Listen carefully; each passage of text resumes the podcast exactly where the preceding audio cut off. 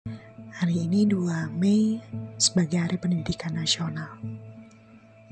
Agak berbeda dari tahun sebelumnya. Hari Pendidikan Nasional kita rayakan hanya di rumah saja. Ya, semua karena COVID-19. Namun, selama COVID-19 ini mengajarkan kita untuk open-minded bahwa belajar mengajar tidak hanya di kelas. Belajar mengajar bisa di mana saja dan kapan saja. Apalagi dengan memaksimalkan penggunaan teknologi saat ini.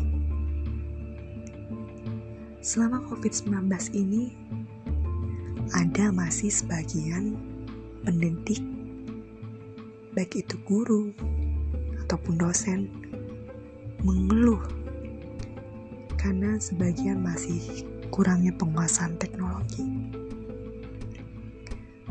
Ada juga sebagian orang tua yang mengeluh juga, yang harus setiap hari memantau anaknya untuk belajar dengan metode daring. Ada juga sebagian mahasiswa mengeluh karena ibu kuota saya sering habis. Selama belajar online kuota saya habis. Ibu, saya lupa isi kuota. Ibu, saya lagi di kampung. Gak ada sinyal. Ya karena seperti itu kita ketahui di Kalimantan Tengah, akses internet masih belum merata. Ini saatnya bukan untuk mengeluh. Ini saatnya kita untuk bersinergi antara pendidik, peserta didik, dan orang tua. Ini saatnya kita berinovasi.